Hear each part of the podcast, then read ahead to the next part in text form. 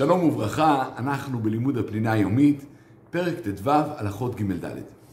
ואנחנו ניכנס כעת לתוכן של פרשות קריאת שמע בקצרה. בפרשת שמע יש שלוש יסודות. יסוד אחד, יסוד האמונה. השני זה המשמעות של האמונה הזאת לחיים שלנו. והשלישי זה ההוראה איך להשריש את האמונה הזאת בחיים. ונפרט קצת יותר. יסוד האמונה זה שמע ישראל, השם אלוהינו, השם אחד. כלומר, שבעצם יסוד כל הכוחות מהשם. ואין עוד מלבדו. והוא מחיה את הכל. ואפילו אם נראה שיש כוחות שונים, הכל הכל מהשם. מה המשמעות של האמונה הזאת לחיינו? שאין שום ערך בעולם שעומד מול הדבקות בהשם. וכל הערכים מקבלים את משמעותם מתוך הדבקות בהשם.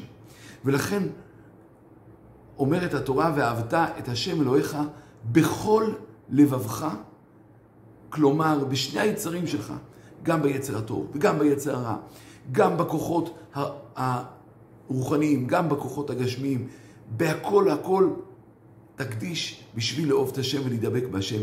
ובכל נפשך, אפילו נוטל את נפשך, אפילו במסירות נפש, כי אין דבר יותר גדול מהדבקות בהשם, אפילו החיים עצמם הם לא כמו הדבקות בהשם. ובכל מאודיך, את זה חז"ל פירשו בשני פירושים. פירוש אחד, בכל כספך, בכל רכושך. בסוף גם הכסף וגם הרכוש נועדו כדי להידבק בהשם. ועוד פירשו בכל מאודיך, בכל מידה ומידה שהשם מודד לך. בין אם טוב ובין אם רע, בין אם קשה ובין אם משמח, בין אם בעוני ובקושי ובחולי, ובין אם זה בשמחה ובבריאות, בכל המצבים, תעבוד את השם. ואז מנחה התורה איך להשריש את האמונה הזאת בחיינו. והיו הדברים האלה אשר אנוכי מצווך היום על לבביך. זה צריך להיות על הלב שלך כל הזמן. ודיברת בם. כן, כל הזמן לדבר בזה. ולפני זה, ושיננתם לבניך, ללמד את זה לילדים. ודיברת בם בשבתך בביתך, ובלכתך בדרך, ובשוכבך, ובקומך, בכל המצבים, בוקר וערב. ולא להסתפק בזה, אלא הגברים מצווים גם לכתוב את הפרשה של שמע, ולהכניס אותה לתוך התפילים ולקשור אותם. וקשרתם לאות על ידיך, והיו לטוטפות בין עיניך. ולא להסתפק בכך, אלא על כל פתחי הבתים, על כל פתחי החדרים, וכן, וכתבתם על מזוזות ביתך ובשעריך. כדי שהדבר יהיה מושרש בחיינו. בעצם, פרשת האמונה ואחדות הבורא מלווה אותנו בכל החיים שלנו. בלב על ידי אמירת קריאת שמע, בגוף על ידי קשירת התפילים וברכוש שלנו על ידי המזוזה. ומתוך כך נעבור לפרשת והיה עם שמוע, שהיא מדברת על הערך האדיר של מצוות התורה, שמי ששומר אותם יזכה לשכר טוב, ומי שלא, ייענש. אם נאהב את השם בכל לבבינו, נקיים את מצוותיו, נזכה לברכת השם, הארץ תיתן את יבולה.